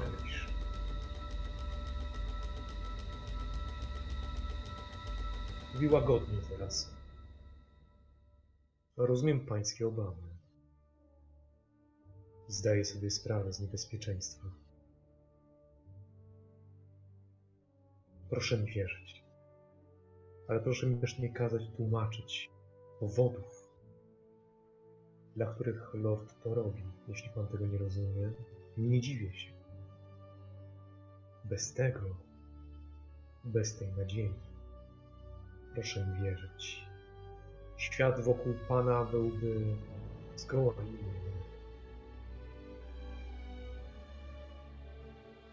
Ale nie będę dostarczać panu amunicji na pańską przyszłość. Przyszłość. Tak, zostawmy przyszłość samej sobie, przynajmniej na dzisiaj. W czym mogę pomóc, panie Giselbrecht? Bo chciał pan z pewnością o coś mnie zapytać. A właśnie. Rozejrzał się w pokładzie. Wciąż trzymasz swoją laskę i się o nie opierasz. Tak, tak.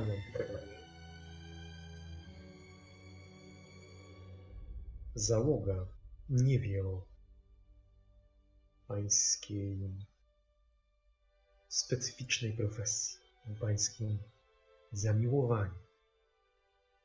Rozumie pan. Dobrze by było, gdyby zostało to sekretem. Pozostało to sekretem. Oczywiście. To naturalne. Tak też się stanie. Nie będę się afiszował w żadnym wypadku. Wyśmienicie.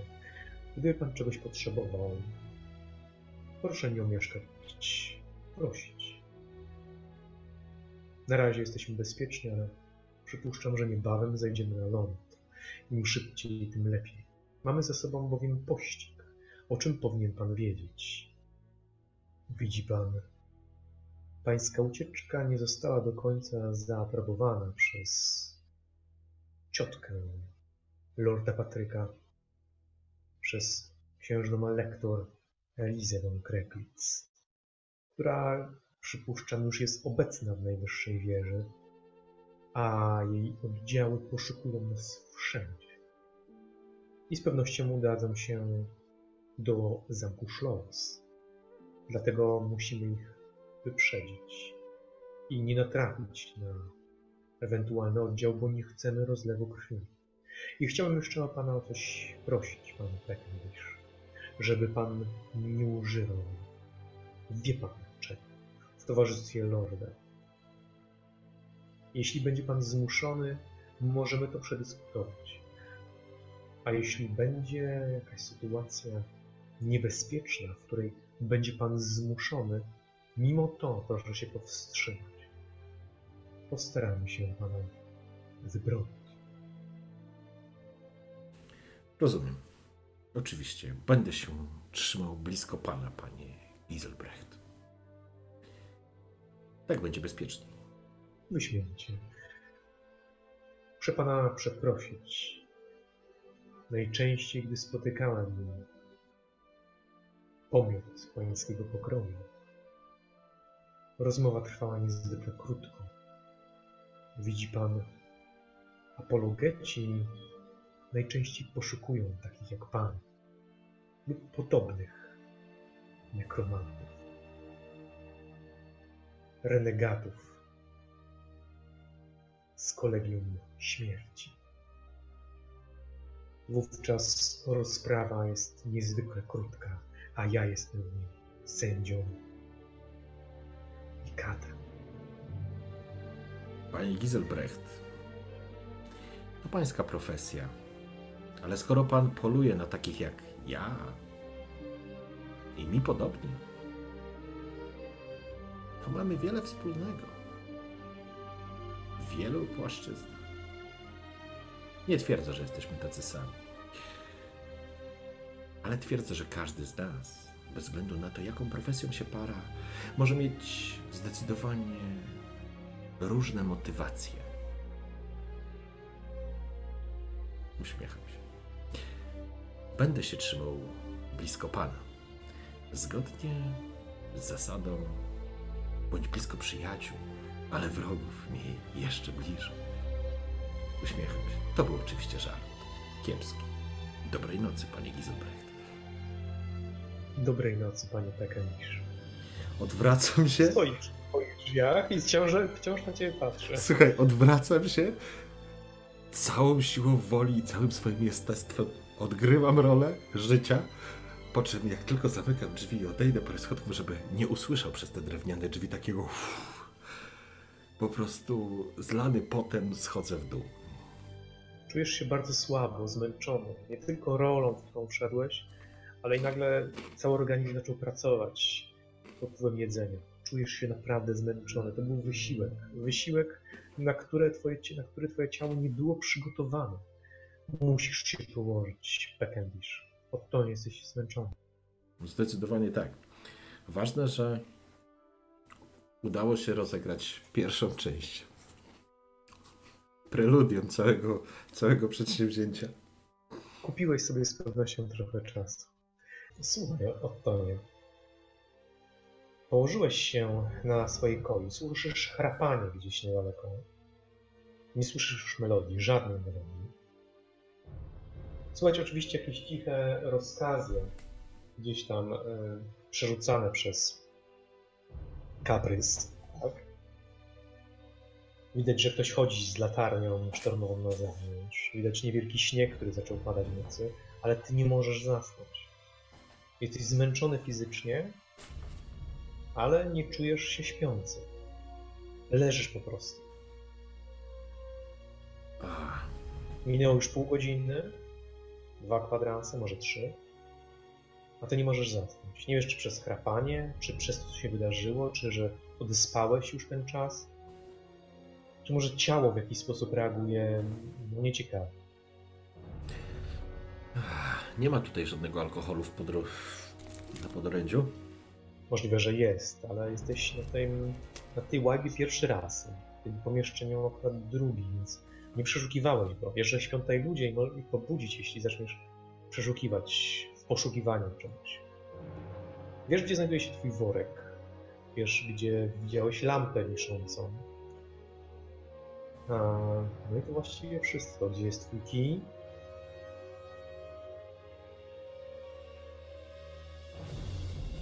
To jeżeli nic nie mam takiego, to hmm, nie będę budził tego Konrada. Zresztą nie wiem, gdzie śpi. Nie wiesz, czy śpi. Jest teraz tutaj ciemno. Może spać równie dobrze na zewnątrz, na pokładzie. Tak jak większość marynarzy. Nic, no próbuję, wiesz, no, mimo wszystko próbuję jeszcze przez jakiś czas po prostu, wiesz, no zwalczyć to i, i zasnąć. Rozumiem. Czyli próbujesz mimo wszystko zasnąć. Czy coś chcesz zrobić przed snem? Hmm. Może swoje rzeczy bliżej siebie kładę tak na wszelki wypadek? I do worka wkładam mm, te, wiesz, papirusy. Jeżeli nie będę mógł zasnąć przez kolejne 15-20 minut czy pół godziny, to po prostu zapiszę sobie notatki z tego spotkania z, z, z Lordem Patrykiem. No i może mnie to znuży, no bo nie mam Rozumiem. pomysłu. Wkładasz e, do wnętrza worka mm, te ryzy papieru, e, jak i również i inkaust, który również wziąłeś ze sobą, przybory do pisania i dostrzegłeś, że coś delikatnie zabłysło niebieskim światłem z wnętrza worka. O, kula. Kula. Kula. Oczywiście, zaglądam. Biorę kulę. Widzisz, że kula rozjaśnia delikatnie wnętrze worka. Widzisz tam e, twoje księgi, czy księgi twojego wuja związane sznurem, e, nóż należący również do twojego wuja. E, no i to właściwie wszystko. Przyglądasz się jeszcze, przyglądałeś się jeszcze em, działaniom medycznym, które podjął na tobie Konrad. Przypominam że również, że masz medycynę, właściwie to masz leczenie, więc jesteś w stanie określić s- poziom zaawansowania jest całkiem niezły. Przyłożył się. Mhm. Gdybyś miał oczywiście jakieś bandaże, igły, nici, alkohol plus jakieś podstawowe zioła, również byś był w stanie tego dokonywać. Rozumiem. Ym, Czy nie wiem, inaczej, biorę tą kulę, czy coś mówi do mnie? Podnosisz kulę, Mhm. e, spoglądasz na boki, czy przy, przypadkiem się od światła nie obudził, ale nie. Nie dostrzegasz niestety całego pomieszczenia, tylko jego fragmenty. Aha, poczekaj, poczekaj, właśnie. To jest wspólna izba, nie? Tu jeszcze są inni ludzie, więc... E... Okej, chowam kulę. Okej, rozumiem. Gdy tylko odsuwasz ręce od samej kuli, gdy wkładasz ją, zamykasz worek, światło po prostu gaśnie. W porządku. Próbuję, próbuję zasnąć. No, jeżeli się to nie udaje. Możesz wyjść na zewnątrz z tą kulą, tak? Nie, nie, to nie będę świrował na pokładzie, bo nomen omen lepiej im mniej osób wie, że tutaj pan Peckendish biega, tym lepiej. E, Więc jeżeli nie mogę zasnąć, to robię notatki po prostu przy tym kaganku, czy przy tej, wiesz, buczywie, czy lampie. E, I może to mnie Przy, znuży. przy oświetleniu kuli. Nie, nie, nie. Dobrze, rozumiem. W takim razie próbujesz zasnąć i udaje ci się. Następne 15 minut e, okazuje się być zbawienne. I rankiem budzą cię prace na zewnątrz, jak i również śpiewane szanty, których masz już powoli dosyć. Przez brudne okno wpada do środka światło. Worek z twoimi przedmiotami miałeś pod głową, przykryty kocem wuja, spałeś w butach. Podnosisz się zwolna i czujesz się dużo lepiej. Czujesz się oczywiście znów głodny, ale fizycznie jest dużo, dużo lepiej. To fantastycznie. Nagle otwierają się drzwi. Dosyć szybko i w drzwiach stoi Oswald. Rozgląda się w poszukiwaniu ciebie. Schodzi szybko po schodach, nie zamyka ze sobą drzwi. Podnoszę rękę. Panie Beckett, proszę wstawać. Będziemy sumować. Na krótko. porządku. Czy, scho- Słyszałeś dźwięk czy, poruszany. czy gdzieś schodzimy, w z, schodzimy z łodzi, pani Oswald? Samej rzeczy, pani Pekendish. Proszę szybko zabierać swoje rzeczy. Biorę płaszcz, nakładam na siebie, worek przewieszam, biorę lagę a, i wychodzę. Widzisz, że barka zwolniła dosyć mocno. Kaprys zbliżył się do brzegu, ale to nie jest do końca brzeg. Widać, że teren powoli zaczyna zamieniać się w zbocze. Im dalej, tym bardziej skaliście. To tak naprawdę przed wypiętrzeniem skalnym najlepsze miejsce do tego, żeby przybić, przycumować. Wy podpływacie do prawej strony rzeki, czyli prawdopodobnie skierowanej na południe. Jednakże do samego brzegu nie jesteście w stanie przycumować z uwagi na lód, który pokrywa, który przymarzł właściwie na wiele metrów w głąb e, samej rzeki. Kaprys zatrzymuje się. Oczywiście są wydawane odpowiednie komendy. Marynarze wbijają głęboko tyki, blokując sam kaprys. Jednak nie zostają zwinięte żagle, tylko obrócone w taki sposób, a zresztą ty się nie znasz. I w tym momencie widzisz, że na backburcie e, stoi i czeka już właściwie na ciebie i Giselbrecht, jak i również Lord Patrick. Idę tam. Ubrani są praktycznie to samo, poza tym, że Giselbrecht nie posiada swojej laski. Ty, stukając laską po drewnianym pokładzie, zbliżasz się tam w towarzystwie Oswalda, który jedną rękę ma, jeden kciuk włożony w rękawicy zapasy, a drugim odgarnia materiały, takie jak płótna, które zagradzają wam drogę. Towarzyszy im wszystkim również i kapitan Hakon, którego nie miałeś okoliczności poznać, ale widzisz, że żegna się z Patrykiem i składa mu głęboki ukłon. To był zaszczyt, lordzie. To był prawdziwy zaszczyt, że mogłem cię gościć na swojej łajbie.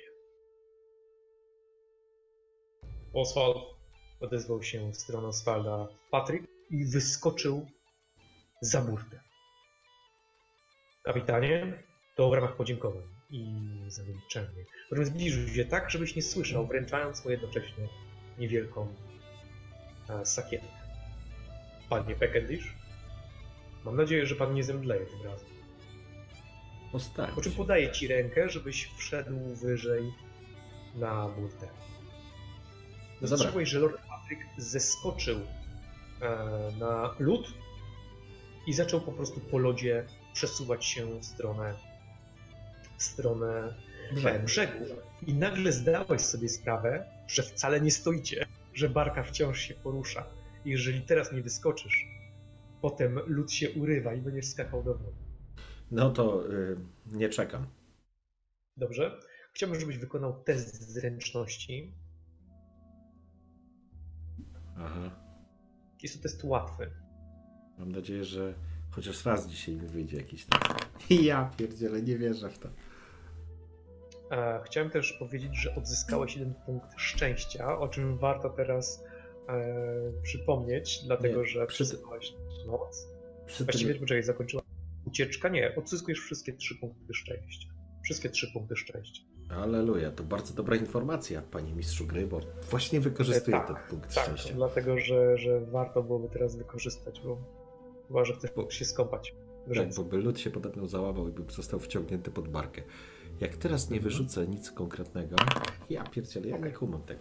Jest spokojnie, wyszło. Poślizgnąłeś się delikatnie nie, przy upadku i upadłeś na bok, ale nic sobie nie zrobiłeś. Może zbiłeś sobie fragment łokcia, ale nic więcej. Podniosłeś się szybko na twardym, wolno pękającym lodzie. Właściwie nie wiesz, czy on zaraz nie pęknie, ale wydaje się być twardy, no bo upadek spadłeś po prostu na bok, nie? Źle zeskoczyłeś, poślizgnąłeś się, a on nie pękł. Więc podniosłeś się i ruszyłeś, stukając. Stukasz tą laską o ten lód, czy nie? Nie, nie, zdecydowanie nie. Podnosisz w takim razie laskę i ruszasz za lordem, który powoli zaczyna niknąć e, w pierwszych drzewach. E, Tuż za tą słyszysz wyskakującego Giselbrechta, a następnie Oswalda. Same drzewa, które pokrywają zbocza, są iglaste, ale wyrastają powyżej poziom śniegu, ich korzenie, tworząc taki rodzaj pajęczyny pokrywającej e, sam śnieg, ale również są oszronione. To ich łapiecie się w pierwszej kolejności, wspinając się na zbocze. A krótko za nimi, na wzniesieniu, dostrzegasz przylegające do fragmentu zagłębienia skalnego, które zostało, mm, które rzeka skutecznie sobie zatopiła. Oczywiście teraz jest ona zamieniona w lód. Dostrzegasz jakąś wieżycę, może nawet strażnicę, z której to komina uchodzi dym. I to właśnie tam przez śnieg po pas kieruje się Lord Patryk, a za nim ty, a za tobą Giselbrecht. I Oswald. I tak, i Oswald. Przepraszam, że zapomniałem. W porządku, idę oczywiście za nim, nie? Jesteście rozrzuceni, są kilkanaście metrów. To A widać również, że przed strażnicą ubita ziemia, to znaczy śnieg bardzo mocno ubity, a nawet momentami widać, że śnieg jest wypalony. Szczególnie ta droga, która bezpośrednio wiedzie pod strzechę, gdyż sama wieża, której jest przy, kamienna wieża, przy której jest również kamienny dom, ale również jest drewniana wiata, pod którą widzisz unoszącą się parę z końskich nozdrzy. Przez zmienię muzykę.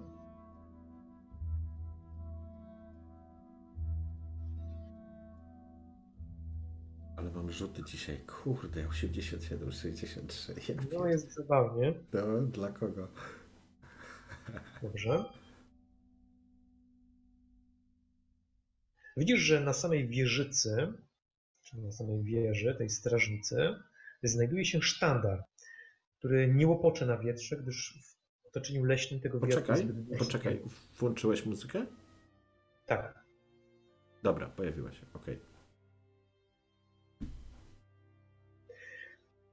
E, Dostrzegasz, że na e, tym herbie jest to herb Fort, Fort Poczty, czy oddziału pocztowego. Niestety jakiejś baronii, więc niespecjalnie potrafisz ją określić. Jedynie pewne elementy wskazują, że należy do Talabeklandu. Przede wszystkim kolor e, srebra i czerwieni.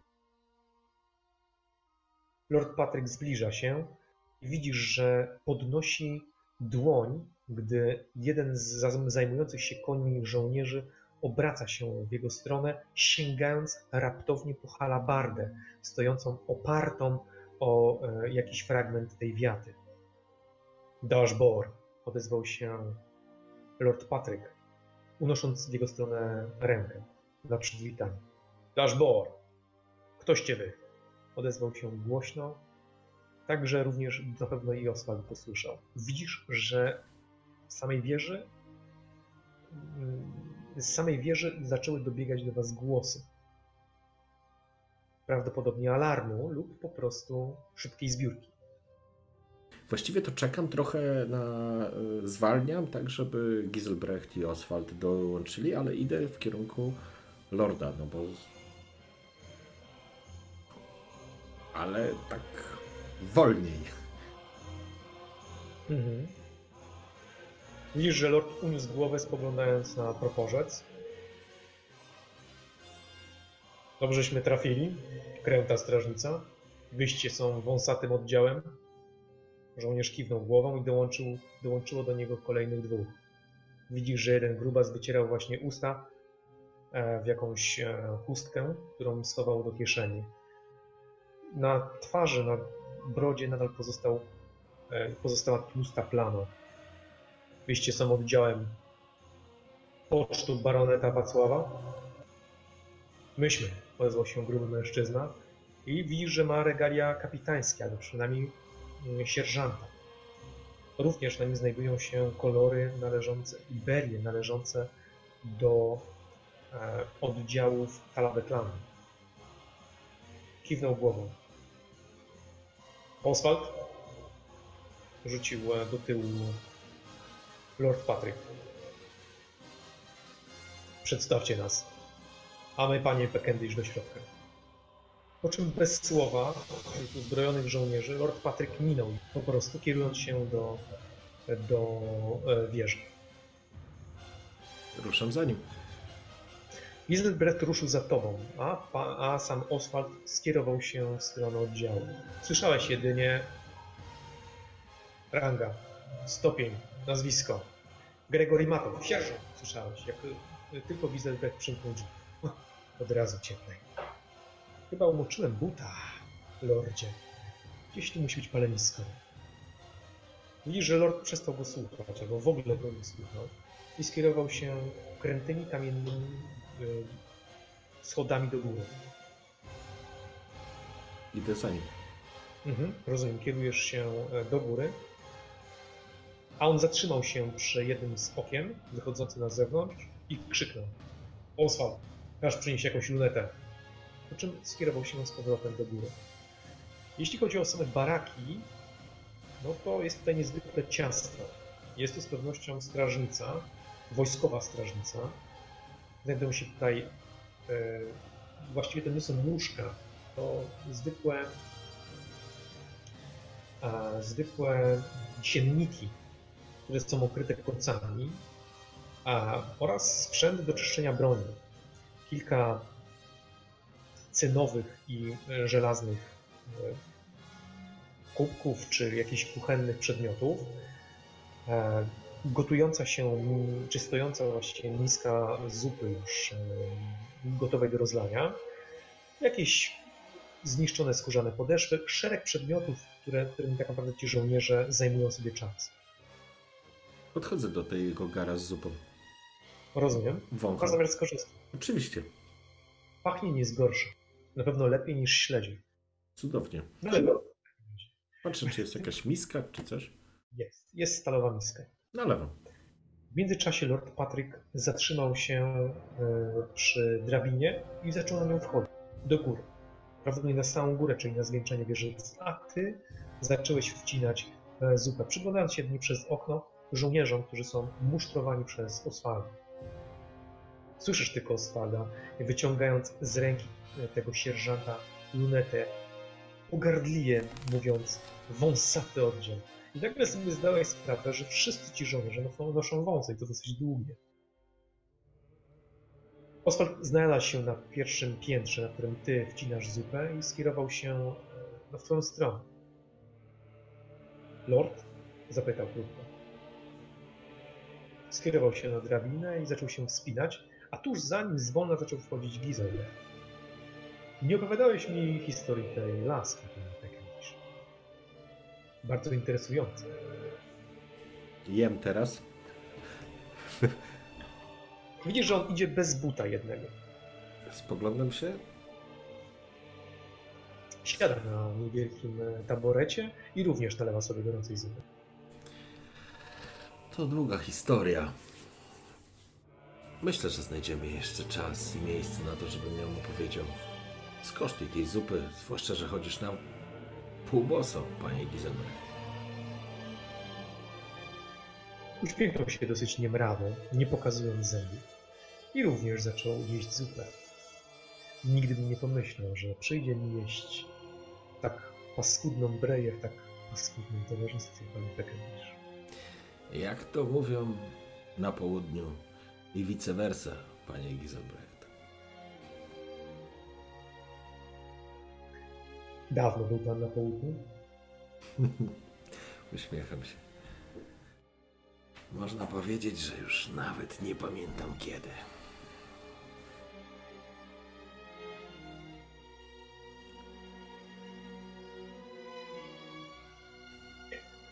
Oswald w końcu razem z Ale Lordem schodzić. Mhm.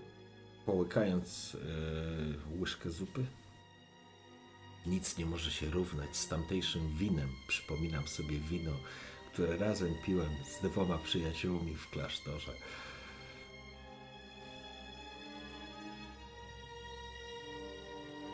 A i owszem, to prawda. Tybiańskie, stalijskie, arabskie. Tak sobie siedzimy tutaj. Faktycznie, sytuacja jest niezwykle kuriozalna, panie Giselbrecht. Widzisz, że sierżant, przepraszam, że przerwę, widzisz, że sierżant, ten Gregory Matow, wszedł do góry, zdjął czapę, e, no i tak dosyć już takim, powiedziałbym, skruszonym, e, skruszoną pozycją, głosem odezwał się w stronę Lorda Patryka. Ja, ja księcia rozpoznaję, odezwał się. Tyś jest Lord Patrick von Kreglitz. I próbuje paść na kolana, a sam Oswald powstrzymuje go uderzeniem zdjętej rękawicy w twarz. Przestań się wygłupiać. Ile macie koni? Tylko te trzy? Ta, tak, E, tak, kapitanie. Jestem oficerem Talabeklandu i nie w stopniu kapitana. Głupcze. Nie widzisz regaliów? Szykujcie trzy konie. Żywność na dwa dni drogi. Jak daleko stąd do Lotry? A, z dzień drogi, ale ona, ona nie zamarzła. Widzisz, że wówczas Lord Patrick spojrzał na Oswalda. Kaprysu już nie dogonimy. Hakon się myli. Teraz to nieważne, odezwał się Lord. Gdzie zamarza? A, w stronę tej najbliższej miejscowości, odezwał się. Niedaleko Lokrafurtu. Za blisko. Spróbujemy się przedrzeć. Szykujcie konie! krzyknął Oswald. Ino szybko. Spojrzał się na ciebie. Oswald. El nic nie powiedział, jak jesz zupę razem z Giselbrechtem. Zaczął kierować się e, na dół, a y, no, książę ruszył w stronę najbliższego siedzenia i usiadł. Ciężko. Wypuszczając powietrze. Ktoś jedzie za nami? Zapytał Giselbrecht. Książę uniósł głowę, spojrzał na niego, lecz nie odpowiedział. Hmm. Rozumiem. Odezwał się Giselbrecht. I zaczął jeździć zupę dalej. Na zewnątrz jest spory rozgardiasz, zamieszanie. Szykowane są konie w pośpiechu. Daleko nimi nie ujedziemy. Jeźdźcem może nie jestem najlepszym, a z pewnością równać się z tobą nie mogę. Czy z oficerem Oswaldem. Lecz wyglądają na zbyt zagłodzone, żeby nieść nas przez dłuższy czas w kłusie. Nie będziemy jechać kłusem, lecz cwałem. Ale drogi, lordzie, tu nie ma dróg, wszystko jest zasypane. Odkryjemy drogę. Wstał, jakby zebrał w sobie nową siłę i skierował się na dół. Korzystam z okazji, jem ten... Panie Peckendish zatrzymał się, nie spoglądając na ciebie. Patrzy po prostu przed siebie. Schody kamienne. Patrzy na ciebie bokiem. Jesteś za małą mrówką, żeby na ciebie spoglądać. Jak pan jeździ koniem? To dobre pytanie, ale to jest pytanie do ciebie. E, nie mam umiejętności jeździectwa, prawda? Jeździłeś nawet na oklep, zdarzyło ci się kilkakrotnie, a nawet kilkanaście razy w życiu przejechać dłuższy odcinek, ale jeźdźcem wybitnym nie, jest, nie jesteś. To znaczy, że wykonujesz wszystkie testy z połową zręczności. To, to mam 15, to super. Przełykam. Lordzie, no cóż, imperialnym gońcem to nie jestem. Powiedzmy, Pojedziesz że asfaltem. to jest Wszedł po prostu ci w zdanie i zaczął schodzić na dół. bardzo dobry pomysł. Po czym wracam do zupy, bo nie wiem, kiedy będę znowu jadł. E, Widzę, że nauczyłeś się najważniejszej rzeczy. Wiesz, trzeba dbać. W godzinę konie oraz pakunki zostały przygotowane. Konie są gotowe do drogi. A ty stoisz na tym niewielkim dziedzińcu, który został oczywiście odpowiednio odgrodzony. To znaczy łopatami albo jakimiś e, innymi instrumentami wybili po prostu ze śniegu taki niewielki dziedziniec, w którym teraz konie stąpają. Sam lord siedzi już w koniu.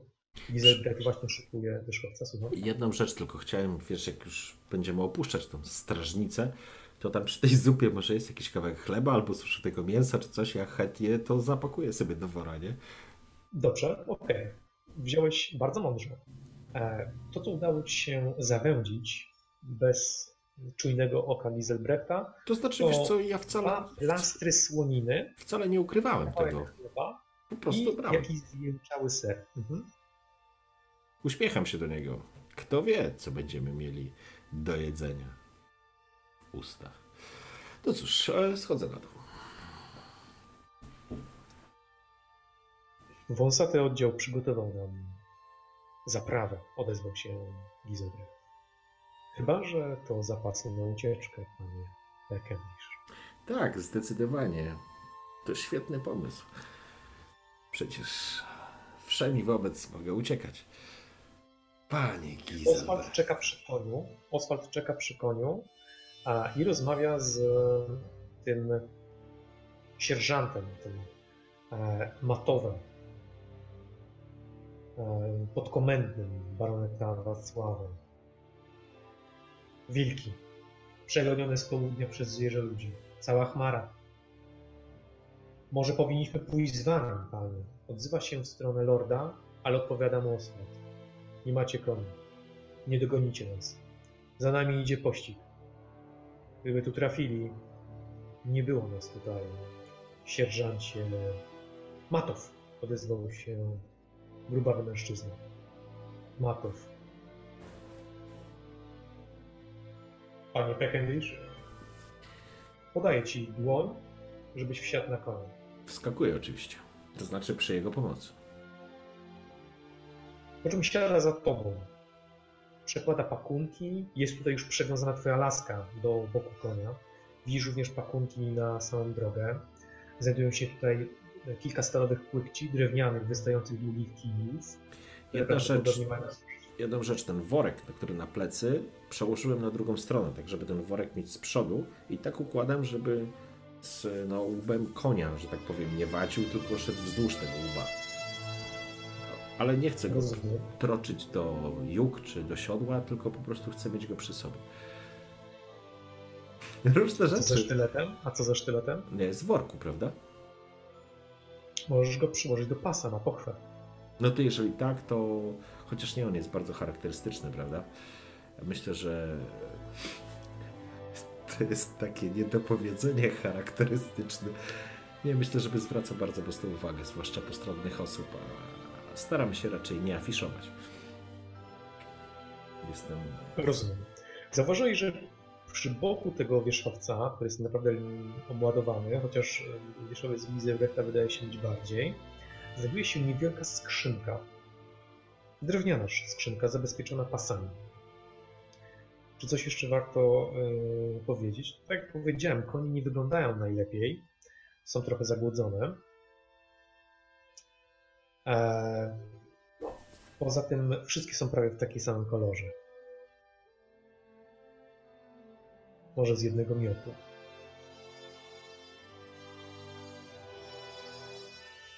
Jest pan gotowy, panie Peckendish? Kiedy tylko pan powie, panie Asfalt.